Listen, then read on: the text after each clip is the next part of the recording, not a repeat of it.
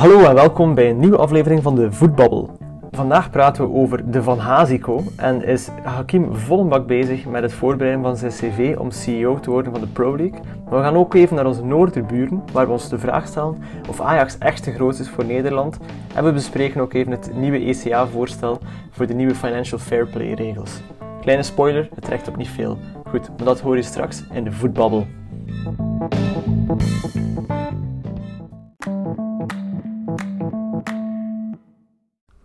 Hakim, hoe staat het met jouw cv? Ja, druk, druk, druk bezig. Dus als je mij hoort klikken en zo, uh, dan weet je waarmee ik bezig ben.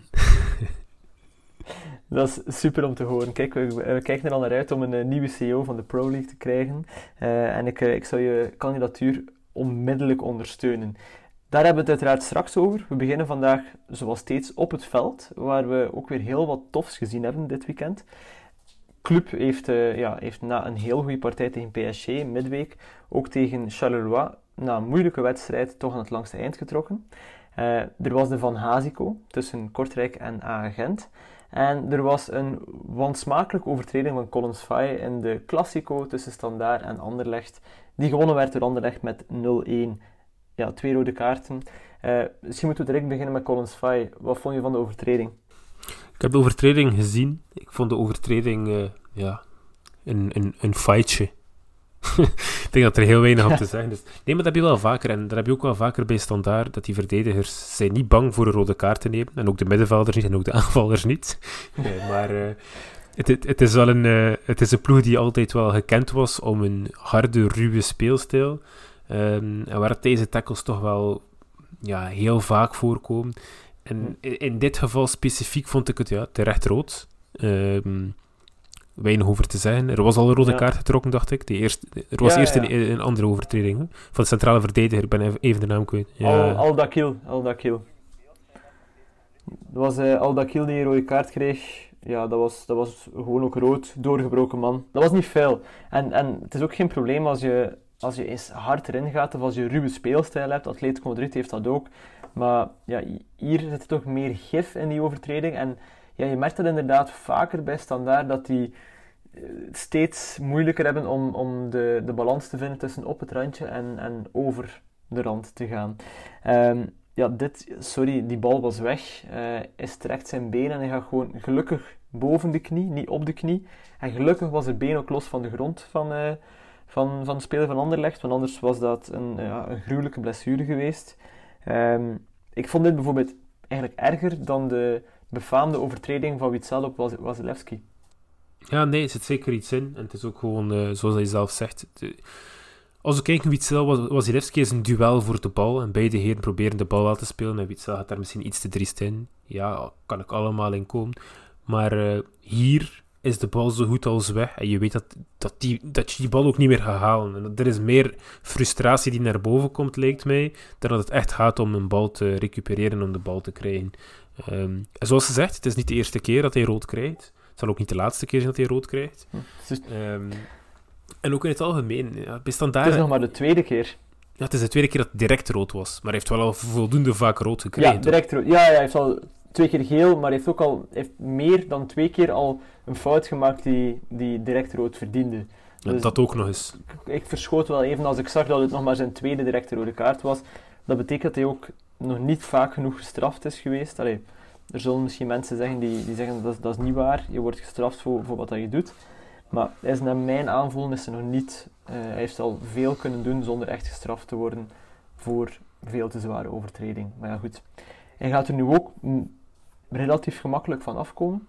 Heeft een voorstel gekregen van drie speeldagen effectief. Ja, dat is Ik vind dat weinig. Het is weinig en vooral voor iemand die, die er zich al vaker aan vergrijpt. Maar goed, we zullen, uh, we zullen moeten Ja. zien. Wij bepalen het niet, hè. Dan moet je eerst eh, een hogere positie krijgen. Ja, Frank de Blekere, ja, val zijn positie maar aan. Word jij misschien wel scheidsrechter? Ik heb nog scheidsrechter geweest vroeger, Kan jij beter?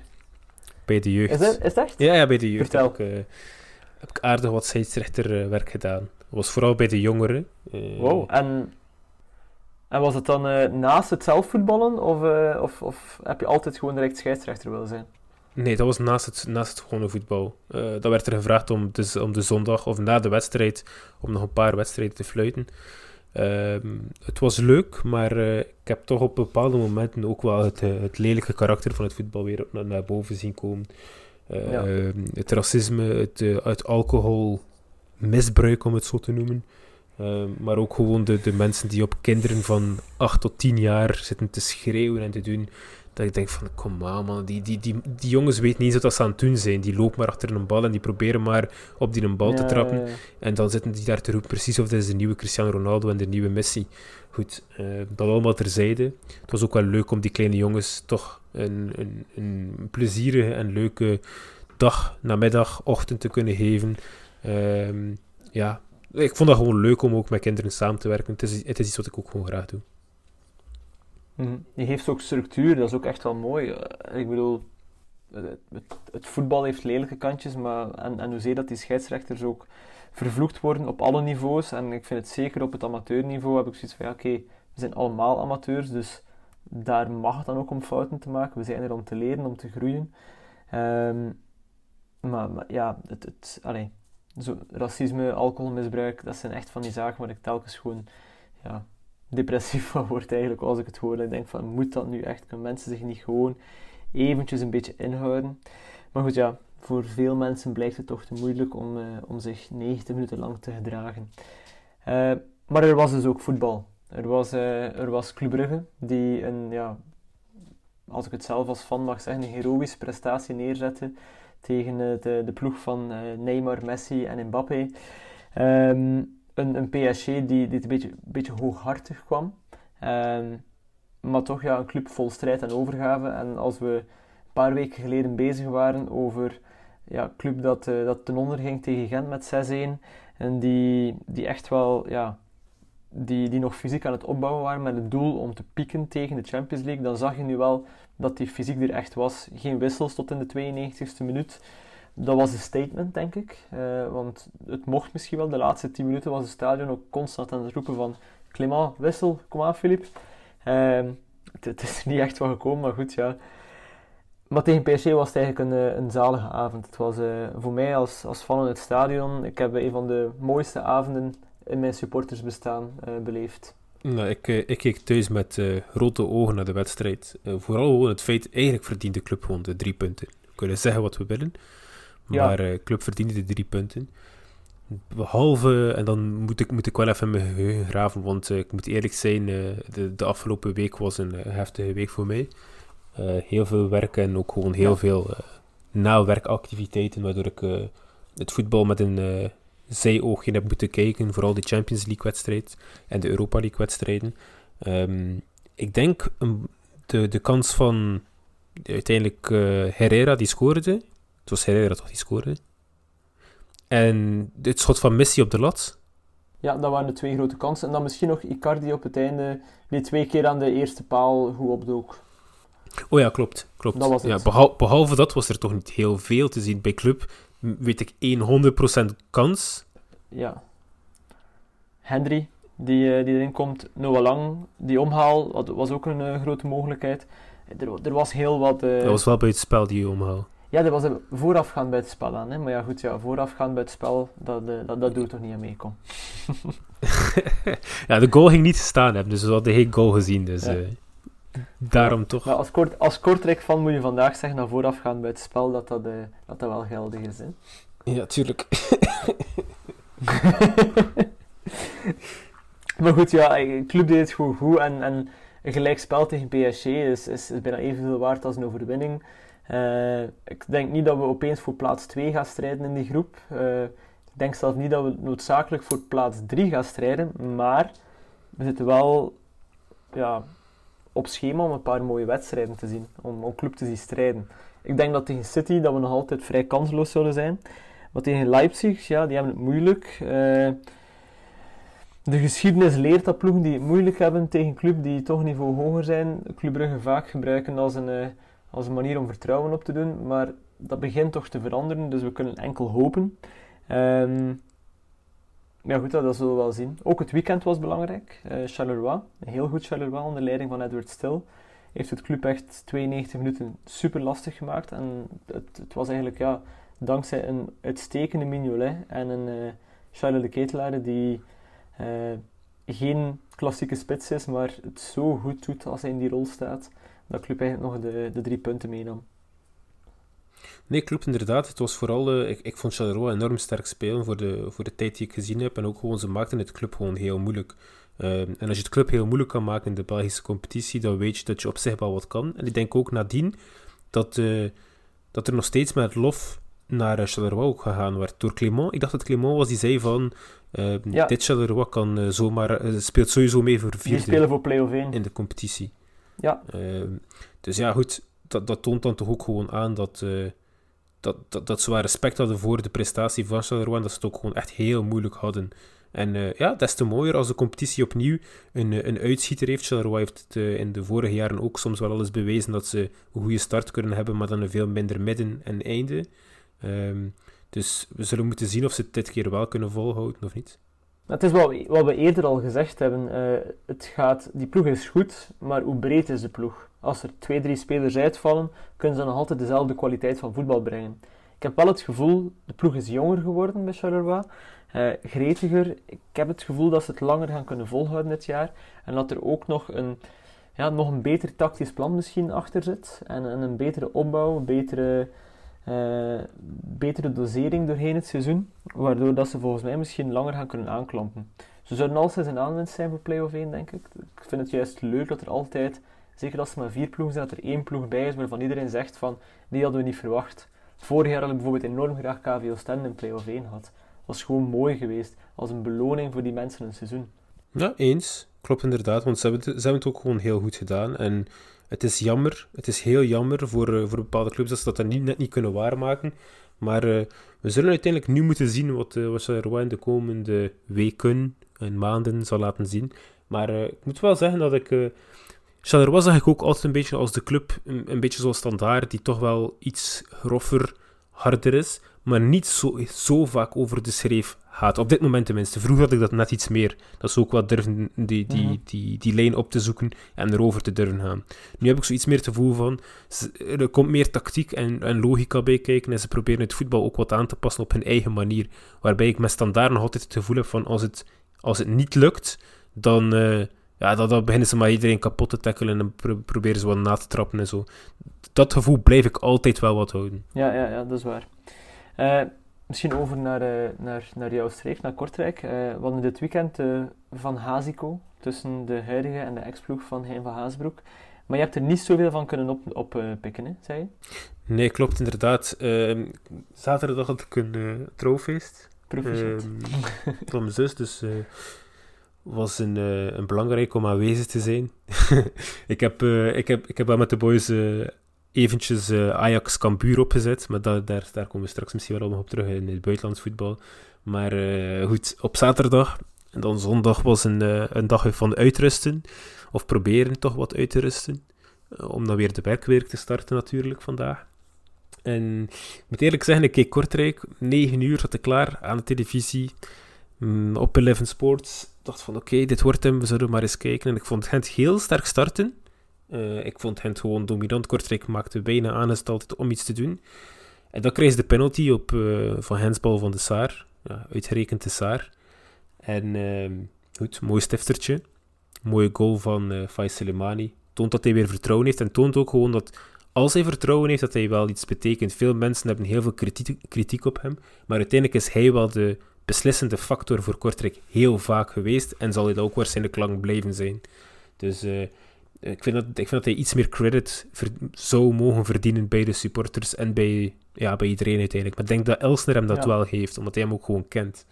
En ehm, ik denk dat het minuut 25 was dat mijn oogjes dicht vielen en dat ik om uh, eh, 12 uur 30 wakker werd. En uh, dat ik even keek op de livescore en zag dat Kortrijk 1-0 gewoon was. Dus ik heb wel de goal nog net meegepikt.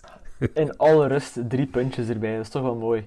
Goed, dan uh, gaan we misschien over naar, ja, naar wat er naast het veld zich afspeelde.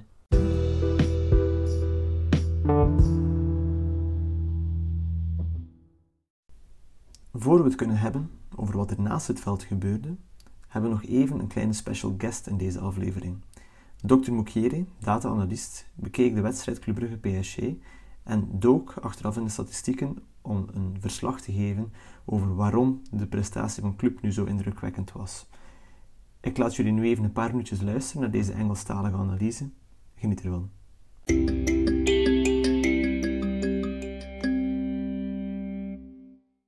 Hi, thank you for giving this opportunity. Uh, it was a brilliant game by Club Brugge uh, against PSG. Uh, I was really surprised how proactive Club Brugge played most of the game. They actually outshot uh, PSG team in having Messi, Neymar, Mbappe. Uh, I actually wanted to present some interesting stats from Scout. It shows that uh, PS Club Brugge had more positional attacks and more counter attacks than PSG.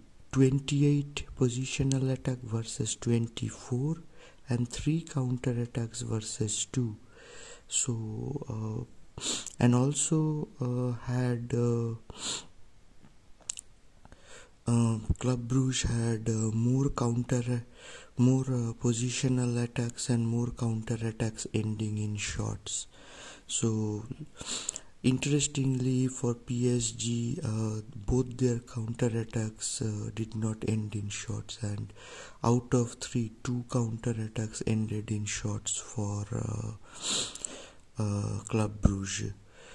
The very uh, very interesting for me was how good both uh, Noah Lang and uh, De Ketelaere played, and both of them were really good. Uh, I think Lang had a lot of good positioning, which is, one of the best uh, assets, and uh, De Ketelaere was able to create lots of chances.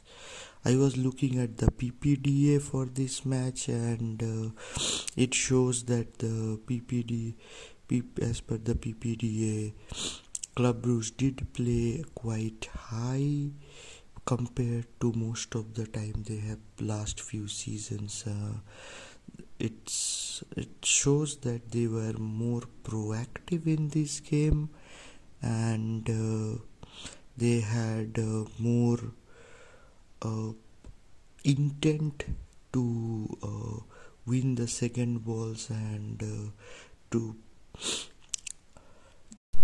so uh, also for the ball recovery it shows that Club Brugge had uh, 17, 17 high ball recoveries compared to 8 by PSG thank you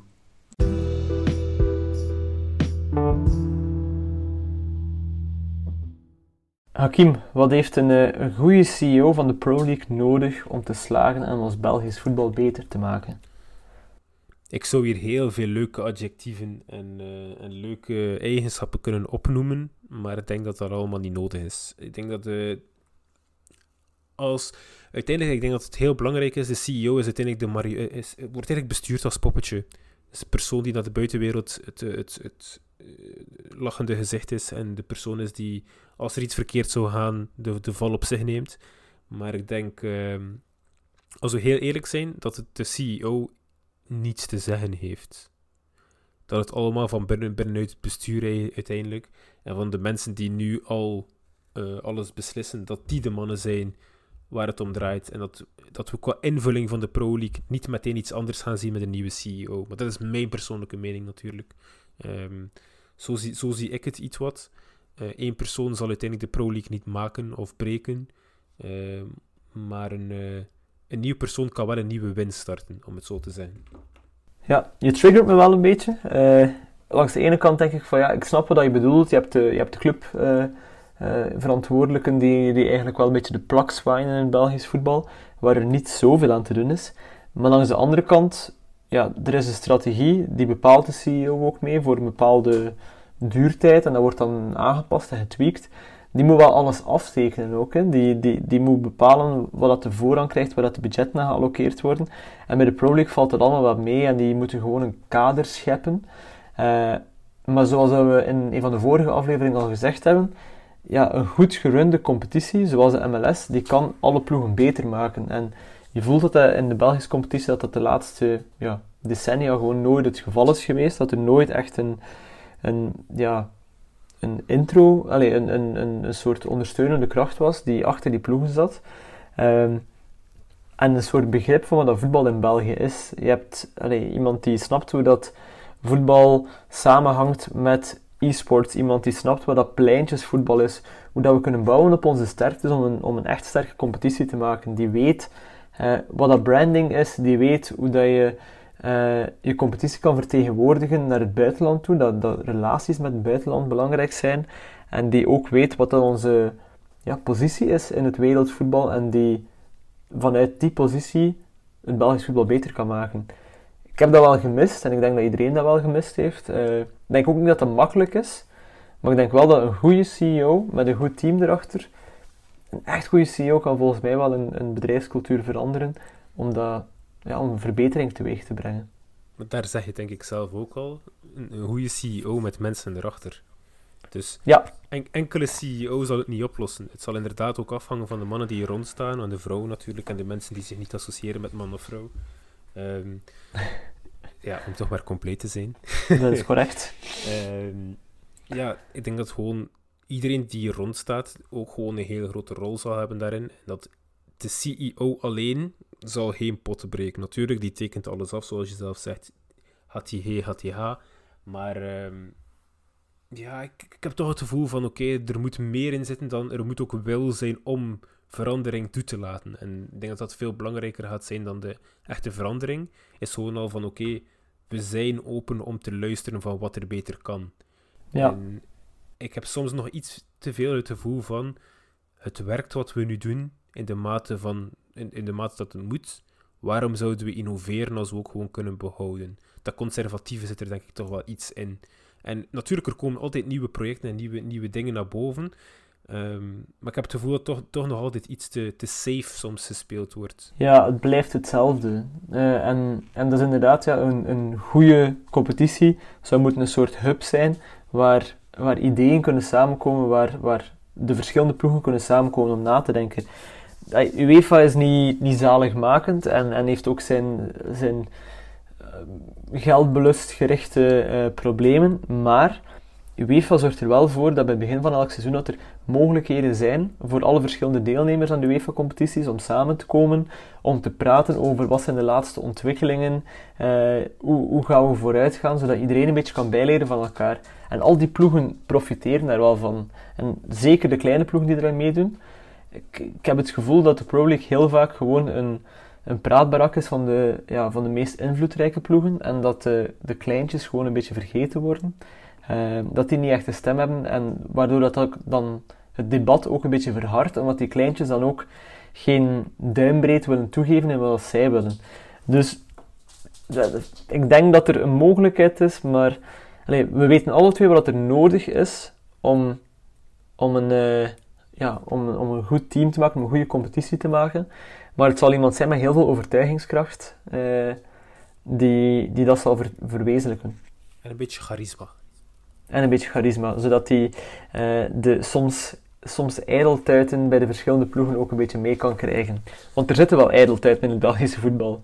Klopt. Zo uh, las ik deze week over een, uh, een, ja, een titelconcurrent van club, dus ja, bepaal zelf welke ploeg dat, dat kan zijn, die geregeld stuurt naar journalisten of een journalist of journalisten wanneer die positief zijn over Charles de Ketelaere of wanneer die uh, geselecteerd wordt door Roberto Martinez om te zeggen van, allee, wat is dat nu? Goed, ondertussen is die, zijn ongelijk al meermaals bewezen, maar ja, waarom zou je dat in godsnaam doen? Waarom zou je sturen naar de pers om te zeggen van, zij is niet zo positief over een andere speler? Ja, ik vind, dat, is sowieso een, een, hele low blow, om het zo te zeggen. Mhm. Als je, als je zo, ja, dat is, dat is ook niet openlijk debat durven aangaan, maar dan gewoon via de pers proberen te doen. Om op die manier mensen weer te beïnvloeden. Maar ik denk dat dat ook wel meer dan alleen bij voetbal is. Ehm, Ja, Ja, politiek ik- is er niet beter in. ik, ik vind het toch maar gewoon een zielige bedoeling. Ja, inderdaad. Allee, doe wel, doe wel de vraag reizen. ehm, wat is een correcte relatie tussen pers en ploeg? Hoe ga je als persverantwoordelijke om met de clubwatchers die bij je langskomen? Eh, hoeveel scherm je af van je ploeg? Hoeveel info geef je door? Hoe gebruik je scoops voor de verschillende media? Want om het heel simpel te zeggen, door het oligopolie in het, in het Belgische sportmedialandschap heb je het nieuwsblad eh, en je hebt het laatste nieuws die langskomen. Dat zijn de twee die elke dag bezig zijn met het voetbal en met de verschillende clubs, die overal een mannetje hebben. Dan heb je nog Sporza, maar die komen sporadisch af. Eh, die kiezen een, hun, hun plekjes zelf en die gaan er niet zo hard in mee. En dan heb je nog de, de televisie, ja, VTM, die achter het laatste nieuws ook staat. Hoe ga je daarmee om? Ik vind, ik vind zelf dat er, eh, dat, wat ik gezien heb in, in, eh, mijn jaren bij club, dat, dat ik soms een gevoel had van, mm, het is wel, het is wel soms iets te amicaal en ehm, er wordt soms iets te veel gebruik gemaakt van de wederzijdse macht die er is om scoops te krijgen of om, eh, om een positief artikel te krijgen. En dat is niet noodzakelijk van persverantwoordelijken, dat is ook van makelaars en managers en ga zo maar door om ja, de juiste zaken in de krant te krijgen en de andere zaken niet. Of omgekeerd om scoops te krijgen die, die een andere krant niet zal hebben. Het is natuurlijk, het, het is en blijft natuurlijk eh, de, de wereld van de media en de business die samenkomen. En ik denk eh, dat we, dat, dat we, ja, we onszelf geen illusies maken. Ik denk dat we het beide goed genoeg weten dat er vaak genoeg voor het juiste bedrag of voor, het juist, of voor het juiste wederdienst dingen onder, onder tapijt geveegd worden en eh, andere dingen eh, openlijk en breed worden uitgesmeerd. Ook, ook zou het door anderen, bijvoorbeeld eh, als ik nu denk, ik zie het artikel nu heel specifiek gaat over Charles de Ketelaar, of tenminste over het feit van, oh, waarom zie je altijd zo positief over Charles de Ketelaar? En dan ehm, denk ik van, oké, maar ga je dan ook een speler die in je eigen kern zit bijvoorbeeld, die het even slecht heeft of even moeilijk heeft, en waar je, waar je liever van af zou geraken, ga je, ga je die ook negatief proberen in het daglicht te plaatsen dan, om die, om die weg te krijgen. Dus in, in welke mate is de media, en in, in, in hoeverre is de media waar we nu kijken, waar we nu dingen uit lezen, 100% eerlijk? De, de media is misschien helemaal eerlijk, maar de info die zij verkrijgen is misschien, of verstrekken is misschien niet helemaal eerlijk. Ja, Het, het, het is en blijft een hele moeilijke materie, omdat we kunnen niet altijd weten in hoeverre iets, iets legit is en iets, zeg maar, verkeerde informatie of fake news. Ehm, proberen mensen gewoon de ander te beïnvloeden of proberen ze een andere persoon een ander idee aan te smeren? Dus er zijn Mhm. zoveel verschillende manieren en takes die er zijn, dat er geen eenduidig antwoord is voor, eh, voor, voor geen een van de oplossingen. Maar dan heb ik ook wel het gevoel van, oké, boys and girls and other people, van, we moeten ze een beetje credit geven. Ehm, en het is niet allemaal super slecht en doemsdenken en niet elke spelermakelaar zit erachter om zijn speler in het beste licht te krijgen en niet elke club probeert de andere, eh, andere clubs hun spelers volledig zwart te maken. Ik denk dat er altijd eh, mensen gaan proberen, dat er altijd mensen zijn die erin slagen natuurlijk, maar eh, ik denk dat het eerder een uitzondering is, of ik hoop dat het eerder een uitzondering is dan de regel. ja, nee, ik volg je wel. Goed, dan gaan we misschien over naar het buitenland.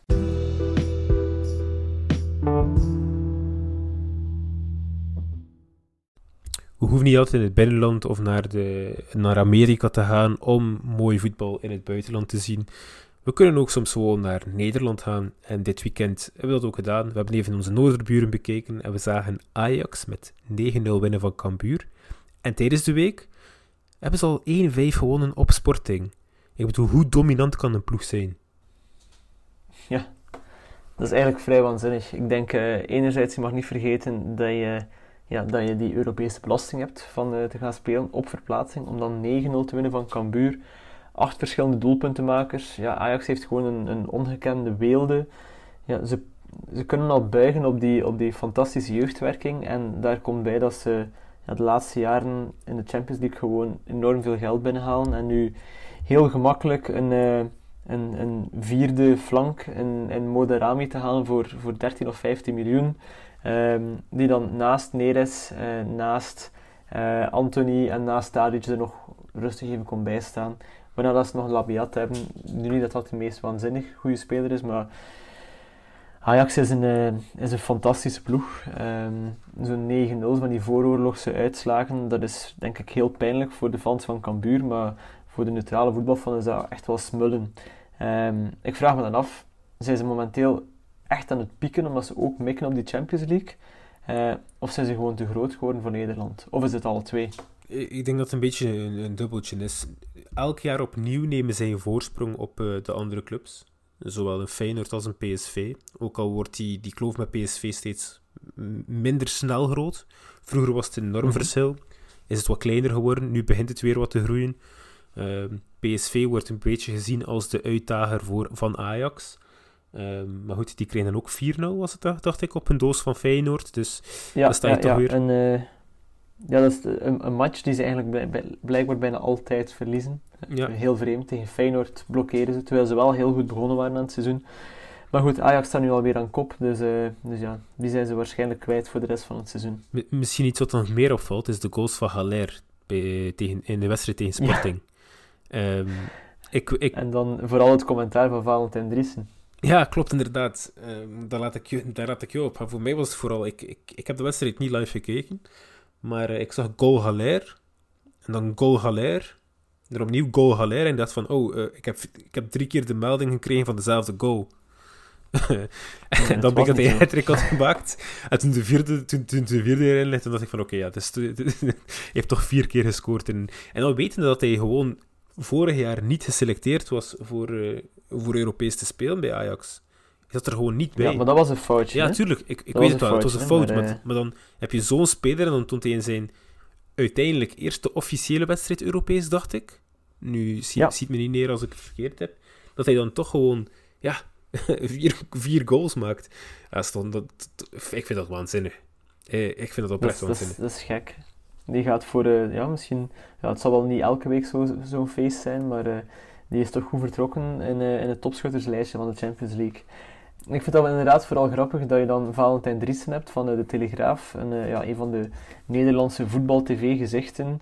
Ehm, we mogen dat misschien een beetje vergelijken met Stefan Kenjaert van het laatste nieuws hier, die dan graag van die hot takes kon brengen als ja, Haller is echt geen materiaal voor in de Champions League te komen en die is gewoon geen goede spits voor Ajax, omdat hij misschien niet mobiel genoeg is of misschien niet technisch genoeg is, maar dan denk ik van, kom jongens, allee, is een speler die het in de Bundesliga ja, gewoon waanzinnig indrukwekkend gedaan heeft, die dan voor heel veel geld naar West Ham is gedaan, het daar iets moeilijker had en dan de Ajax is verhuisd voor meer dan 20 miljoen. Als je dan van zo'n speler zegt van, die komt tekort, dan, dan snap je het voetbal misschien toch niet helemaal. Dan, of dan, dan heb je toch een soort minachting voor wat de mensen bij Ajax doen. Want als Ajax zijn recordbedrag bedrag wil breken voor een inkomende speler, dan denken ze er wel over na. Als je meer dan 20 miljoen betaalt als een Nederlandse ploeg op een budget van is het 200, 220 miljoen, dan, eh, dan denk je toch wel even na over, over ja, is deze speler echt al wat we kunnen gebruiken? En dat hebben ze hier ook gedaan. Ehm, ik, ik, ik snap het gewoon niet. Dat is, dat is echt, ja, dat is een beetje interessant willen doen en, en dat gaat er bij mij gewoon niet in. Het is, het is echt niet zo moeilijk als je betaald wordt om eh, je mening te delen op tv of in de krant, om dan toch ook je werk te doen.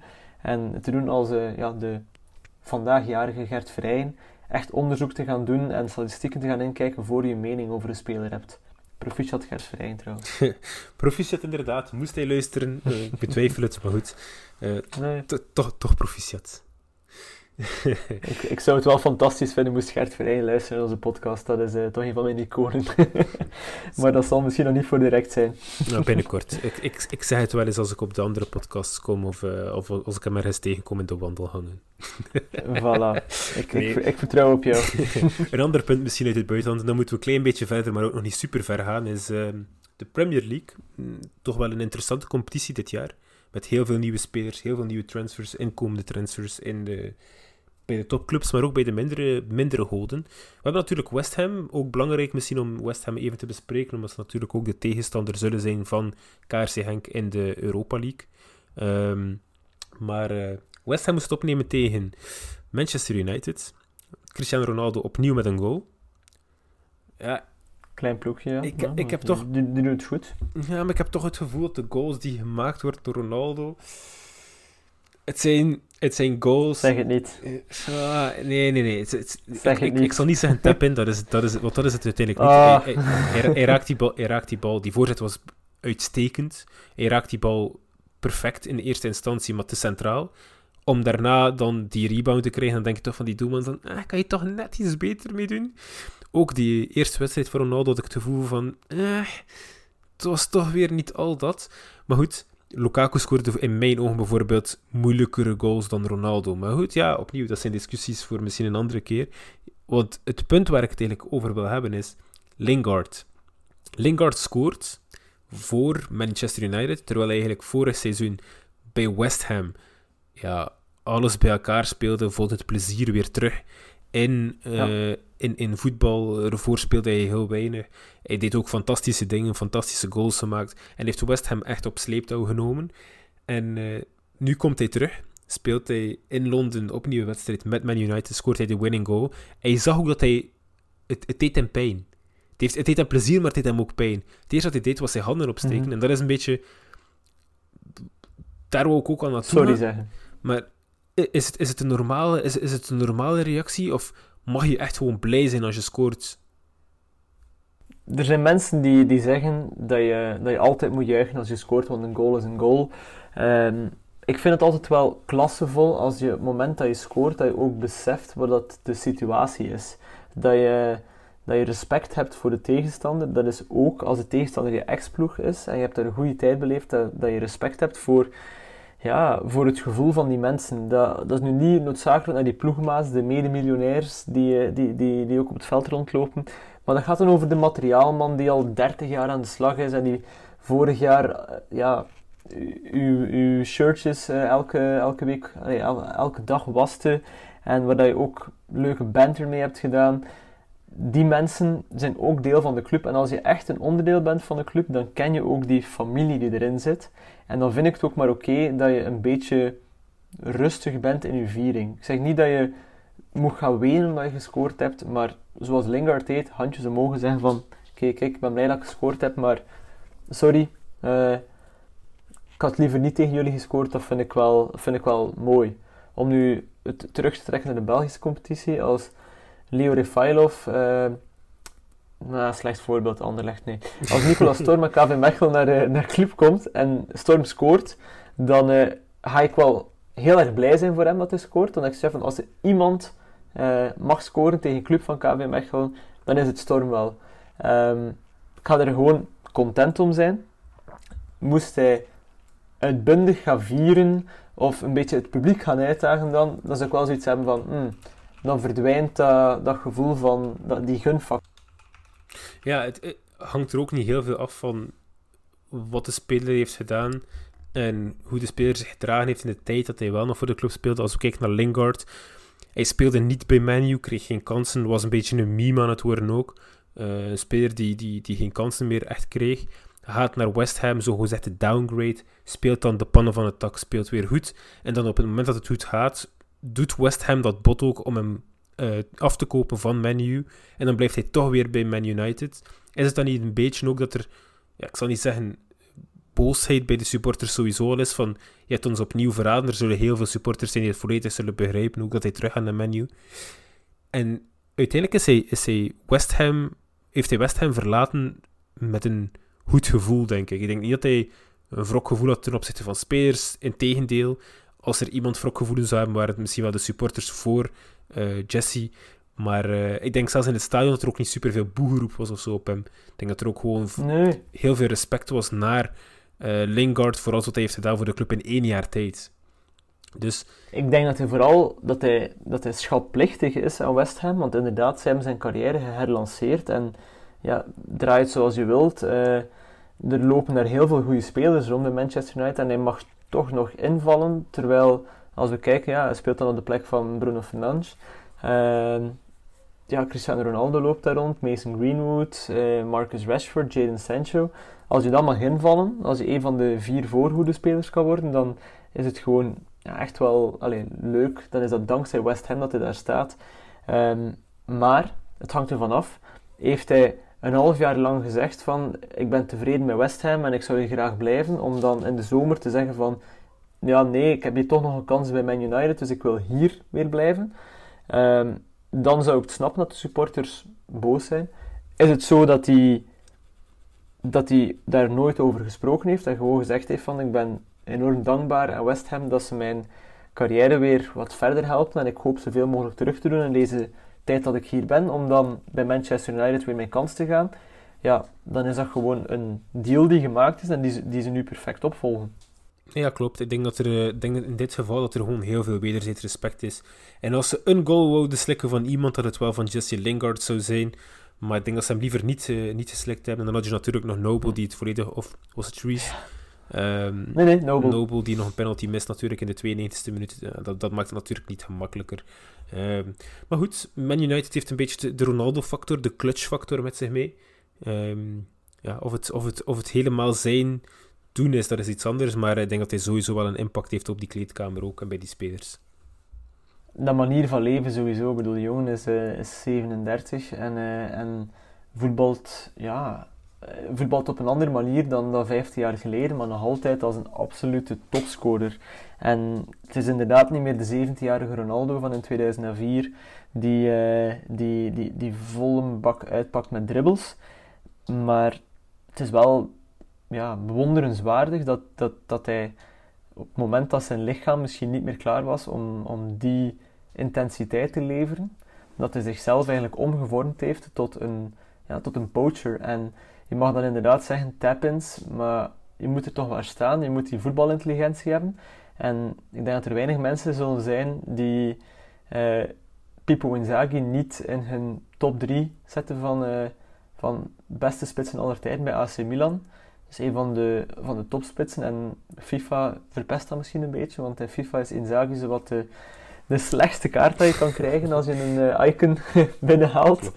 Maar, maar Inzaghi in zijn prime was, was, was, deed wat Ronaldo nu ook doet. Op de juiste moment op de juiste plaats staan en die goals maken. En dat is iets dat heel veel ploegen naar zoeken. Zeker als je tegen een laag blok speelt, als je dan nog dat kan doen.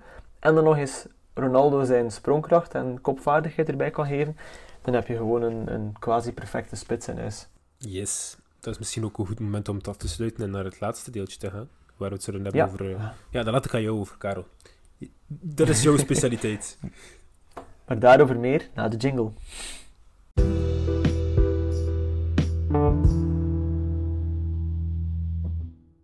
We sluiten af met een uh, Twitter-draadje die ik uh, dit weekend vond over het nieuwe ja, gelekte ECA-voorstel uh, van de Financial Fair Play regels. Heel veel uh, termen bij elkaar. Eigenlijk, Financial Fair Play kennen we allemaal als de regels die ingesteld zijn om ervoor te zorgen dat ploegen bewust omgaan met hun financiën, ja, om de ploegen eigenlijk zelf te beschermen. En de ECA is de European Club Association, heeft een ja, paar voorstellen gedaan om die te uiten.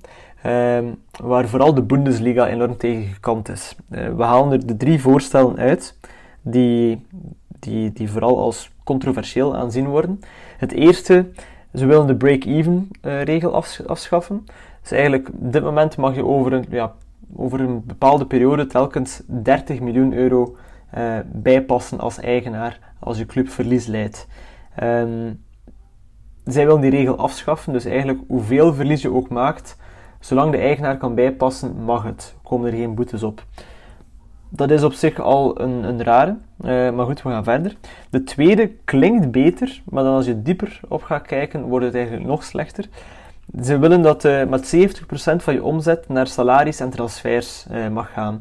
Dat je geen zaken hebt zoals bij Barcelona, die 110% van hun omzet uitgaven aan salarissen en transfers, wat ja, uiteraard niet echt goed is voor, voor de business. Um, dat is een start, maar op dit moment is, willen ze die regels toepassen op de UCL geregistreerde spelers, de Europees geregistreerde spelers. Dus niet op uh, de jongens die gekocht zijn om dan uit te lenen uh, en niet op de, op de spelers bijvoorbeeld van eigen jeugd, waar je dan ook serieuze salarissen aan kan geven. Om, uh, ja, om zeg maar wat, dat PSG de talentjes bij Barcelona kan gaan halen als ze 18 jaar zijn met een hoog loon. Um, dat zou er dan geen invloed op hebben. Daarnaast uh, stelt de Bundesliga ook voor dat er een algemene cap zou komen van zo'n 400 à 500 miljoen per jaar voor salarissen en transfers, wat het ECA dan weer niet zou willen, omdat, ja, ja kijk naar Barcelona, die hebben waarschijnlijk het dubbele momenteel. de derde regel is dat de, ja, de, als je de regels overtreedt, dat de ECA nu zou willen dat die straffen enkel financieel zou worden. Dus een fikse boete, een luxury task, maar geen aftrek van punten zoals nu in de regel staat, of het schrappen uit Europese competities. Wordt enorm weinig toegepast, omdat ja, als het tot de rechtszaak komt, um, verliest, uh, ja, ja, we winnen eigenlijk de, de allerrijkste ploegen wel in de rechtbank. Maar ja, als die regels erdoor komen, dan is het eigenlijk heel simpelweg. We hebben nog regels, ze zijn minder streng. En als je ze overtreedt, moet je gewoon wat geld geven aan ons. Dat is het niet. Wat denk jij? Het is een beetje het, het, is een beetje het idee van een, uh, van een borg te zetten. Hè? Um, ja. ja, moet je het een beetje noemen? Het is, uh, oh, je hebt de misdaad begaan. Je mag de gevangenis uit als je borg betaalt. Ja, dat is eigenlijk wit, witte boordcriminaliteit. Hè? Ja, precies. Dus zoals dat nu in het, in het gewone recht ook is. Als je, als je een croissant steelt, dan, eh, dan, dan, dan ga je de straf niet ontlopen. Maar als je miljoenen ontvreemdt van de staat, dan, eh, ja, dan doe je een boete en dan is het wel allemaal oké. Ja, het is, het is er gemakkelijk van afkomen uiteindelijk. Ehm, hm. En in de lange, op de lange run, in de lange termijn, is het, zijn het de grote clubs die er vooral baat bij hebben. Ehm, de kleinere ja, iets wat. Maar dat is dan vaak heel snel of heel kortstondig dat ze daar baat bij hebben. Maar op de lange termijn zijn het altijd de grote clubs die winnen, die het geld hebben. Dus uh, ja, het, het, is altijd moeilijk. En elke keer opnieuw komen we op dezelfde discussie uit. En ik denk dat het, uh, ja, er is nood aan een verandering, maar dit is hem niet. Nee, en het gaat ook niet komen vanuit de ECA, want de ECA heeft hetzelfde probleem als de Pro League. Dat is dat de grote ploegen eigenlijk daar de, ja, alles bepalen. Het, is, zijn de, zijn de Manchester Cities en de Barcelona's en de Reals en de Juventus van deze wereld die in de ECA de, de plak zwaaien en de kleine ploegen komen gewoon niet aan het woord, omdat die voor die grote ploegen gewoon irrelevant zijn. Ze zijn ballast en dat zijn ze niet. Ze zijn cruciaal voor het, ja, voor het product voetbal, voor het voorbestaan van het product voetbal. En dan komen we misschien terug bij de grote Super League discussie ja, zonder die kleine competities verlies je de charme van het voetbal. Zonder die kleine competities, zonder die kleine ploegen in de grote competities. Ja, het is... Eh, het komen weer terug op iets wat we al honderd keer besproken hebben, zowel offline als online. Het, de charme van het voetbal is en blijft altijd uh, de kleine clubs die het dan toch maar doen. Het verhaal van Leicester die kampioen speelt in de Premier League.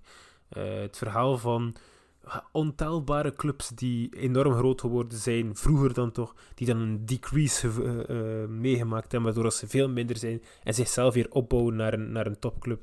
Ik bedoel, het verhaal van Beerschot, het verhaal, van Antwerpen, of het, het, het, verhaal dat er aan zit te komen met Antwerpen, want uiteindelijk, we hebben, dat hebben we ook al gezegd, het volgende doel van Antwerpen zou uiteindelijk de, de, de, titel zijn. het geld en de moeite en de investering die er geweest zijn, is, is, is, is het volgende deel is gewoon de titel pakken. Um, maar ja, als, als ze het zouden doen, dan is het toch maar weer het bewijs van een club, een grote club, uit stamnummer 1, die volledig weggezakt is en daarna weer zichzelf helemaal opgebouwd heeft, of zichzelf met externe hulp uh, helemaal terug heeft opgebouwd um, naar, naar, naar, naar de club. Terug naar de gloriejaren. En ik denk dat er niets mooiers is voor de supporters en voor de oudere supporters misschien wel, om hun club weer ja, eh, je, je, je, zou nu maar oud genoeg zijn om, om, om de gloriejaren van Antwerpen meegemaakt te hebben en ze nu opnieuw in de Europa League, of tenminste uh, zitten in de Conference? Uh, nee, Europa, nee, Conference League. nee, Europa, League, Europa League, sorry. Uh, omdat het allemaal op dezelfde dag komt ook, is het allemaal maar een... Het, is, een, het is een mengelmoes uiteindelijk aan het worden.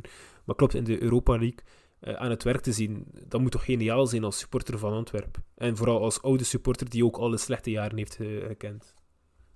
Ik, ja, ik, ik, ik ga ervan uit van wel. En dat is voor de supporters wel leuk. Maar het probleem is, er moet een, ja, er moet een basis onder zitten. En, en bij al die ploegen die, die extern geld nodig hebben om jaar na jaar rond te komen, is het wachten tot, tot die, ja, die wilde weldoener wegvalt. En dan verzakken ze weer in wat er ervoor was. En de geschiedenis herhaalt zich altijd. En ik, ik snap niet dat bepaalde ploegen en bepaalde supporters uh, bases dat nog niet door hebben. Als je bijvoorbeeld kijkt naar hoe dat Beerschot dit seizoen weer doet, ja, dat lijkt toch weer hoogmoed die voor de val komt binnen het bestuur. Weer slechte beslissingen die gemaakt zijn. Peter Maas ja, dat, dat kon wel... Allee, daar hoef je geen CEO van de Pro League voor te zijn om uh, te zeggen dat dat geen goed idee is. Nog op PR-vlak, nog op tactisch vlak. Um, ja, die zakken nu weer weg. En wat gaat er gebeuren? Gaan ze nu weer degraderen op het einde van het seizoen? Ze zullen er misschien nog wel doorkomen, maar er is geen goede analyse gemaakt van de groep. Die, die, die gaan nu, weer, nu misschien weer wegvallen. En gaan ze dan misschien weer failliet gaan? Gaan ze dan misschien weer een ploeg moeten overnemen? Dan begint het dan weer helemaal opnieuw. Juist hetzelfde met Antwerpen. Hoe vaak is die ploeg al weggezakt? Ik denk dat je... Het is heel nobel dat ze Antwerpen weer willen terugbrengen op de, ja, tot de gloriejaren van voorheen. Maar doe het op een manier die haalbaar is naar de lange termijn toe. Doe het op een manier waardoor dat als de persoon die het financiert wegvalt, wegvalt dat de ploeg niet ook weg moet vallen. En op een bepaald, bepaalde manier gebeurt dat wel bij Antwerpen, want de commerciële werking wordt versterkt en het nieuwe stadion zal wel voor een grotere bron van inkomsten zorgen. Maar ik mis nog meer investering in de jeugdomkadering. Ik mis nog, um, ja, ik, mis nog een financiële achtergrond bij dat stadion die ook voordelig genoeg is voor Antwerpen zelf. De, de mensen die Antwerpen van dichterbij volgen, zullen er waarschijnlijk iets meer over kunnen zeggen. En misschien moeten we daar een keer een, eh, een, een soundbite van hebben in een van de volgende afleveringen. Maar ja, bij al die ploegen en bij al die, die ja, Icarus-projecten eh, ben ik altijd bang dat ze op een bepaald moment te dicht bij de zon zullen komen en naar beneden zullen storten. Ik hoop van niet, maar het zal uiteindelijk maar moeten ik vrees van wel. Time will tell. En dat is misschien ook goed om mee te eindigen vandaag. Inderdaad. Goed. Hakim, enorm bedankt voor, uh, voor het uurtje plezier weer uh, vanavond. En uh, we zien elkaar volgende week terug. Het was zo waar genoeg, Karel. En inderdaad, volgende week zijn we weer opnieuw. En misschien om af te sluiten, gisteren was het of ja, gisteren, jullie horen dit waarschijnlijk uh, op dinsdag, maar maandag was het ook nog Ponsuelo ja. zijn verjaardag. Dus ook bij deze moest hij luisteren naar Alejandro verjaardag. Fantastisch. Ik hoop dat Alejandro ondertussen Nederlands uh, kent. En uh, dan kan er niet anders dan luisteren naar onze podcast. Bedankt aan iedereen om te blijven luisteren ook. En we horen jullie graag volgende week terug. Ciao, ciao.